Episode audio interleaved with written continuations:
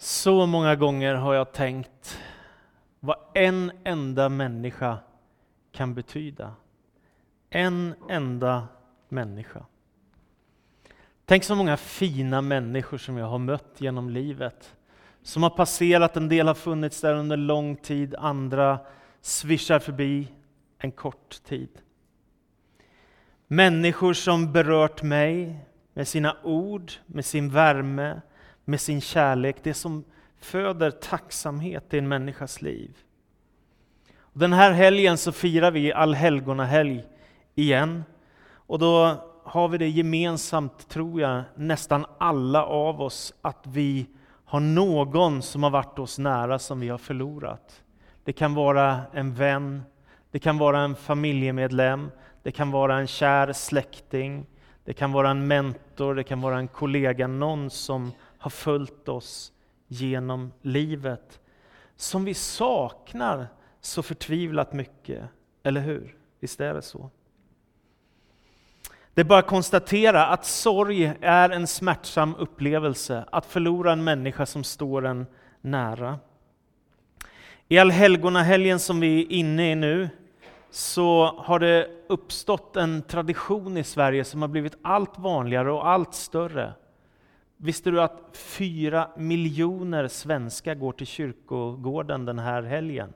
För att tända ljus på gravar och för att minnas de som har gått före. Och det är märkligt, jag har sett på TV den här helgen på nyheterna vad många svenskar är som helt plötsligt talar om himlen. Det är rätt intressant i sekulariseringen. Himlen blir, precis, blir då precis väldigt, väldigt viktig. Det finns ett hopp genom Jesus Kristus som han har förmedlat till den här världen som är fantastiskt och som har påverkat fler människor, länder och nationer än någon annan. Att bära sorg, det är en tung börda. Det vet alla som har varit med om det. Som har drabbats av någon som vi har förlorat, som har stått oss nära. Och den första reaktionen är ju naturligtvis chock det vet ni hur det är, ni som har varit med om det. Och sen efter en tid så kan man börja bearbeta det som man har varit med om. Den smärta som man har mött och den förlust som man har gjort i livet. Och det finns en terapeut som heter Karin Wennerlöv och hon skrev i en tidning, så jag tyckte det var så fint nu i allhelgonahelgen. I bearbetningsfasen är det viktigt Både att få bearbeta det som varit och det som kommer att bli. Det är en oerhörd sorg att gå igenom att förlora en nära människa. Ett sätt att bearbeta är att tala om sorgen. Den sörjande kanske behöver berätta om det som skett tusen gånger.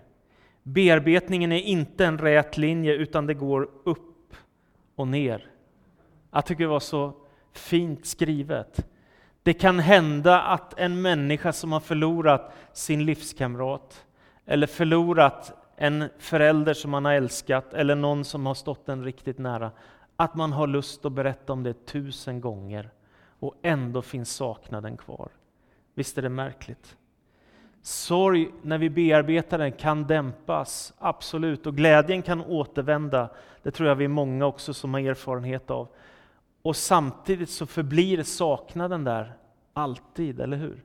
Saknaden finns kvar också när sorgen börjar dämpas i vårt liv. Och så kommer vi alla till olika typer av perioder. Jag tror ni har varit med om det också, flera av er, kanske de flesta. Att vissa tider, man lever ganska länge utan att drabbas av kraftig sorg och så helt plötsligt så kan det slå till med att man förlorar flera människor som man har älskat och så hamnar man i tuffa tider. Visst är det märkligt? Men det finns ett behov av att bearbeta och jag tänker just det här att, att få gå med sin sorg till Gud är en enorm styrka. För mig har det varit som en oerhört stark sak i mitt liv att jag har kunnat koppla med Gud när jag går igenom förluster, när jag går igenom prövningar, när jag förlorar någon som jag älskar. Att få koppla med den Gud som vill att alla ska bli frälsta. Och därför har vi också som kyrka ett hopp att förmedla till människor över hela världen. Det här hoppet är inte för någon speciell grupp, det är inte för någon speciell nation. Det här hoppet gäller alla människor i alla tider och alla länder och folk. Det här är för alla. Ett minne jag bär med mig som jag ser som ett heligt minne. Det var när en av mina vänner låg på sitt allra yttersta i sin sjukbädd på sjukhuset. Vi samtalade om livet, vi hade en väldigt fin stund tillsammans och vi bad på hans rum där han låg på sjukhuset. Vi samtalade om kärleken, vi samtalade om vänner, vi samtalade om livserfarenheter av glädje och sorg, av medgång och motgång. Vi bad och vi sjöng Blott en dag, ett ögonblick i sänder. Vad jag inte visste var att det var sista gången jag skulle möta honom i livet. Vi skulle inte träffas mer här. Men jag glömmer aldrig när han höjde upp sin hand. Jag, gick, jag skulle gå och så vinkade han till mig och så sa han vi ses igen. Det var som om en änglahälsning. Vi skulle inte ses igen här i den här världen. Men han vinkade in ett hopp i mitt liv när han låg på sin yttersta tid i livet. Vi ses igen. Vad är det för hopp vi har som kristna? Det är oerhört. Och om du känner i sådana här tider som allhelgona att det blir jobbigt och du kan tänka att du blir modlös och trött och att det är för mycket bara att tänka på förlusterna som du har gått igenom. Då vill jag också skicka med dig att det finns en som väntar på oss. En som längtar efter oss, Jesus Kristus. Han har förberett en plats för oss. Och Paulus kan skriva i Andra Korinthierbrevet 4 med det här evighetshoppet. I ljuset av det så säger han, därför ger jag inte upp, säger han. Därför ger jag inte upp. Och i Galaterbrevet så säger han, tröttna inte på att göra gott. Han lever i ljuset av det himmelska hoppet. Och Hebreerbrevets författare säger, ge inte upp. Och han skriver, ni behöver uthållighet för att göra Guds vilja. Och Paulus skriver också att Gud har inte gett oss modlöshetens ande, utan kraftens och kärlekens ande. Och Jesus säger något märkligt i bergspredikan i Matteus evangeliets femte kapitel. Då säger han, saliga är de som sörjer, för de ska bli tröstade. Vad är det Jesus gör? Hur kan man, hela salighetsprisningarna som finns i Matteus evangeliets femte kapitel. Saliga de som sörjer, de ska bli tröstade. Saliga är de som är renhjärtade, de ska se Gud. Saliga är de som är fattiga i anden, de tillhör himmelriket. Vad är det för salighet? Jo, saligheten att koppla till Kristus. En dag ska vi bli tröstade helt och fullt. Och jag läser igen ifrån Johannes evangeliets 14 kapitel. Känn ingen oro, vers 1. Känn ingen oro. Tro på Gud och tro på mig. I min faders hus finns många rum. Skulle jag annars säga att jag går bort för att bereda plats för er? Och om jag nu går bort och bereder plats för er så ska jag också komma tillbaka och hämta er till mig för att också ni ska vara där jag är. Amen. Jag läste en väldigt vacker berättelse den här veckan. Eh, det var en pojke som åkte på en tågresa, en väldigt lång tågresa. Och kvinnan som satt mitt emot honom såg att han började se lite nedstämd och uttråkad ut där han satt på sin tågresa, ensam liten kille. Så efter en lång stund så sa hon till honom, har du tröttnat på den långa resan min lille vän? Och pojken log och så sa han till kvinnan, ja, jag är lite trött. Men det gör inget. Du förstår, pappa väntar på mig när jag kommer fram. Tänker jag. Det är detta som evangeliet handlar om. Det finns någon som väntar på dig. Hur kan Jesus säga, känn ingen oro? Det finns väl hur många anledningar som helst att känna oro. Hur ska det gå för mig? Hur ska det gå för dem som jag älskar? Hur ska det gå för de här människorna som jag känner som har hamnat i svårighet? Hur ska det gå? Det finns så mycket att oroa sig för. Och Jesus säger ändå, känn ingen oro. Tro på Gud och tro på mig. Och varför? Jo, för i min faders hus finns det många rum. Jag tycker det är väldigt skönt. Himlen, hur blir det där? Ja, det är i alla fall inte så här som en del säger att man ska sitta på ett moln och sjunga med en harpa. Så är det inte. Utan det finns rum i himmelriket. Och det står i Uppenbarelsebokens 21 kapitel att det blir en ny himmel och en ny jord som kommer ifrån den himmelska världen. Och Gud och med sin härlighet och sitt rike ska låta all ondska besegras och låta godheten triumfera över allt det onda. Det finns ett rum för dig som är förberett. Jesus Kristus har gått före för att bereda en plats för dig. Och därför att vara kristen, det är att vara en pilgrim. Du är inte på väg mot att ditt liv ska slockna och det ska bli svart. Du är på väg hem till Gud när du bekänner Jesus Kristus som Herre och Frälsare. Han har segrat över dödens makt, säger evangelierna. Och Det betyder att när man förtröstar på Jesus Kristus och i tro tar emot honom så finns det ett löfte till dig som bär dig till och med genom döden. Det är märkligt. Och Jag tycker att den här bilden av pojken på tåget är en sån vacker illustration på vad vår resa genom livet handlar om. Är du trött på din resa genom livet? Det finns en som väntar på dig vid slutstationen. En som har förberett ett rum i himlen för dig. En som väntar på dig. Och jag tänker att det blir en ofattbar dag att få se Jesus Kristus, att få möta Gud och att få möta människor som har gått före oss. Du vet, tänk att det står att om Abraham och alla de här gestalterna i tronen. Jag tror faktiskt att jag ska sätta mig ner och fika lite med dem. Det blir fint att få höra, hur var det egentligen där i Haran när du skulle dra iväg till det förlovade landet? Paulus, det där förstod jag inte riktigt vad du sa. Du vet, få möta dem som har gått före oss i tron på Jesus Kristus, i tron på Gud. Och det är en märklig erfarenhet också att Gud kallar ju på oss här i livet. Jag tror att han i alla fall i olika tider knackar på alla människors hjärtan. Han älskar dig och han älskar mig. Han vill det allra bästa för oss och han drar i våra hjärtan, ibland så hårt att vi har svårt att förstå vad som händer. I andra tider så kan vi leva så upptaget av alla distraktioner att vi missar det här. Men det är märkligt, du har också fått en kallelse till evigheten. Och det går ju inte att komma dit utan genom döden.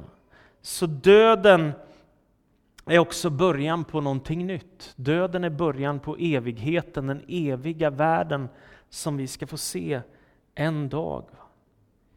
Och Paulus skriver, vad inget öga har sett, vad inget öra har hört, det har Gud förberett för alla dem som tror på Kristus.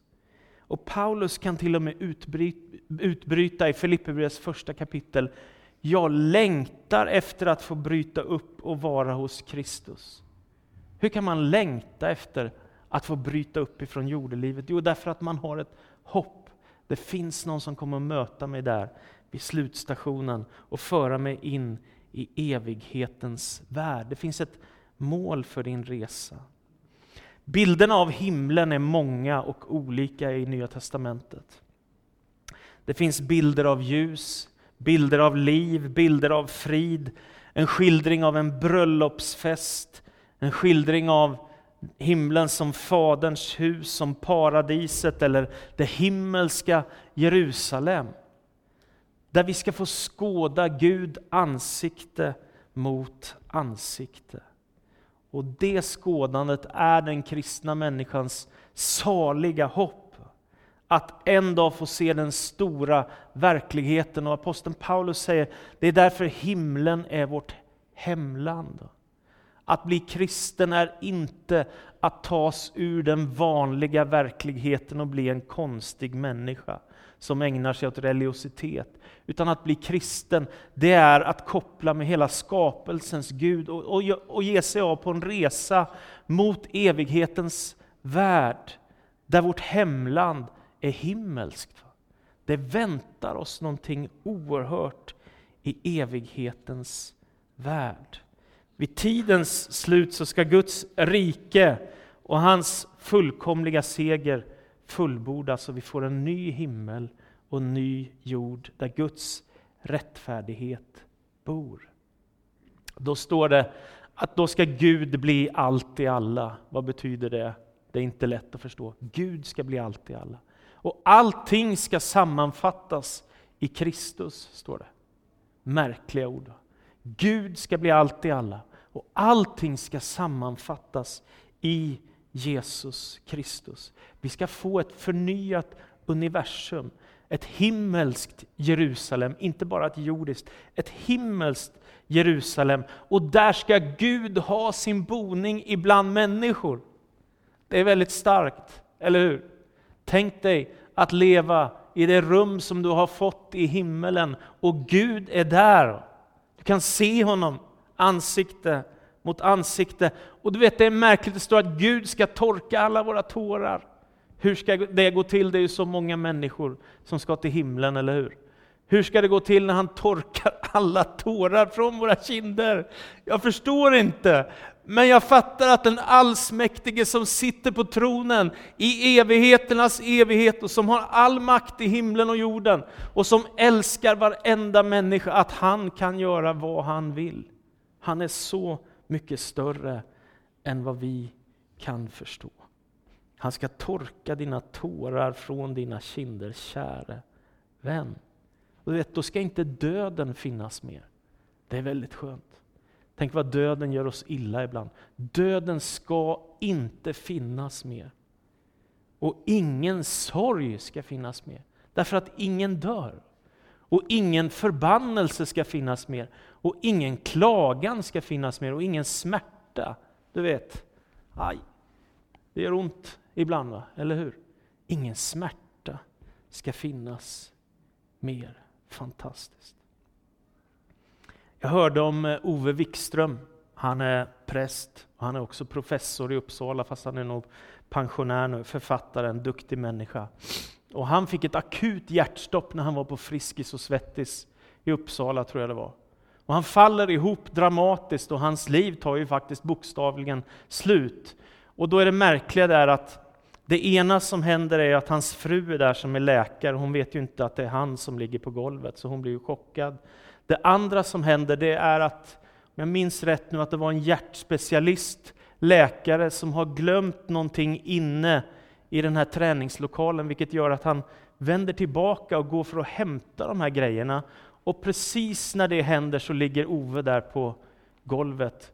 Och den här duktiga läkaren kan hjälpa honom och så kan de rädda honom till livet. Och han säger efteråt i någon intervju, att ungefär, om jag minns rätt nu, att det är bara 4% av människor som drabbas av en sån sak som överlever detta. Och han är en av dem som överlever, bland annat tack vare hans fru som är läkare och den andra läkaren som vände tillbaka, för han hade glömt någonting i träningslokalen.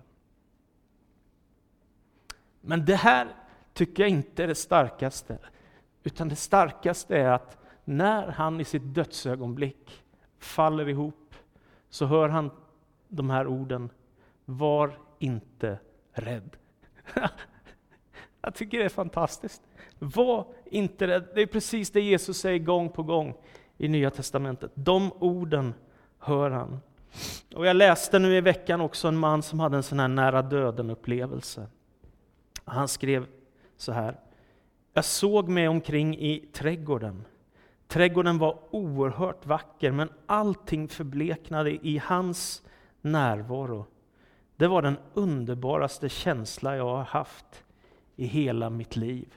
Och jag vill inte göra för mycket av nära döden-upplevelser. Det är inte vetenskap. Men jag tänker ändå att här finns någonting av det himmelska hoppet.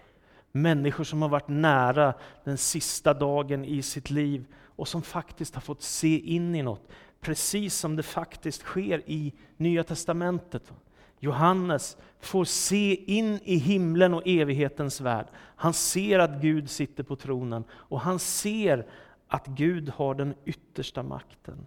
Och det är därför Paulus kan skriva vårt hemland är himlen och därifrån väntar vi också den som ska rädda oss, Herren Jesus Kristus. Och så skriver han så här, han ska förvandla den kropp vi har i ringhet så att den blir lik den kropp han har i sin härlighet. För han har kraft att lägga allt under sig. Ibland när vi har talat om himlen så har det låtit som om att vi är själar i någon himmelsk dimension och sitter på moln med harper. Alltså det är lite obegripligt. Men för mig är det väldigt tydligt när man läser Nya Testamentet och när man läser Bibeln att, att det är ett väldigt fysiskt hopp en ny himmel och en ny jord. Det är också tydligt att vi ska få förhärligade kroppar som Kristus. Precis som han har uppstått ifrån de döda, så ska vi också få förhärligade kroppar som kan leva för evigt och som aldrig drabbas utav den svaghet och förgänglighet som finns i den här världen. När vi når det paradisiska tillståndet. Himlen är vårt hemland. Det är inte en diffus plats, det är en mycket fysisk, jordisk och himmelsk plats. Fysisk som nu, fast så mycket bättre och utan ondska, utan synd, utan sorg, utan smärta, utan död.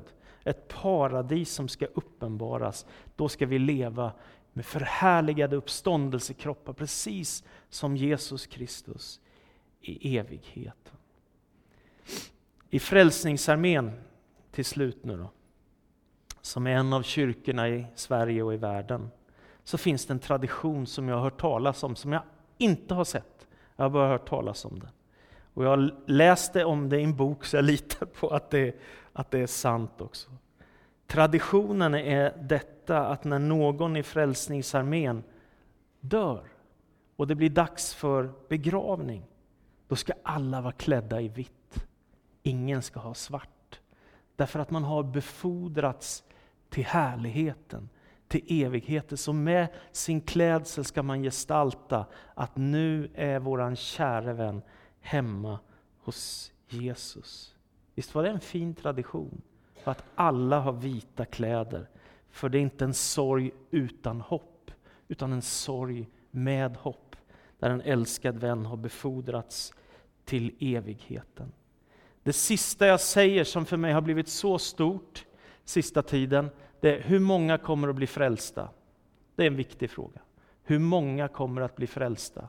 Och ibland så tycker jag att eh, när människor pratar om den kristna tron som att det är bara några få som blir räddade, och det verkar som det är hopplöst för de flesta andra. Men då har jag läst med glädje Uppenbarelsebokens sjunde kapitel så här. Posten Johannes ser in i himlen sedan såg jag och se en stor skara som ingen kunde räkna av alla folk och stammar och länder och språk. De stod inför tronen och lammet, Kristus alltså, klädda i vita kläder med palmkvistar i sina händer och de ropade med hög röst, frälsningen finns hos vår Gud som sitter på tronen och hos lammet. Det för mig, har blivit för mig en väldigt stor tröst. Hur många blir frälsta till slut, hur många blir räddade till sist? Ja, enligt Uppenbarelsebokens profetiska syn så är det en så stor skara av människor som blir räddade att det går inte att räkna dem. Det är hoppfullt för mig. Så jag lämnar domen i Guds händer och så säger jag bara så här att vill du vara säker på att vara på väg till den himmelska världen, så öppna ditt hjärta för Jesus. Det är det som jag har fått som uppdrag att säga i kyrkans tjänst och för evangeliet. Öppna ditt hjärta för Jesus. Vad du än gör, så missa inte det. Lev inte ditt liv utan Gud. Lev inte ditt liv utan Jesus. För det står i Romarbrevet 8, vers 1. Nu blir det alltså ingen fällande dom för dem som tillhör Kristus Jesus. Till den andliga lag som gäller för livet i Kristus har gjort mig fri från syndens och dödens lag. Det som lagen inte kunde göra eftersom den kom till korta inför vår kötsliga natur. Det gjorde Gud. Det blir ingen fällande dom för de som tillhör Kristus Jesus. Det är det enda jag kan säga. Och sen lämnar jag domen i Guds händer och säger Herre, var barmhärtig mot alla människor. Du vet hur svårt livet är. Men vill du vara säker, Så säg Jesus, ta emot mig, fräls mig, ta hand om mig, ge mig evighetens hopp. Amen. Fader i himmelen, så tackar jag dig för ljuset från evangeliet. Tack för att det är hoppet som bär oss.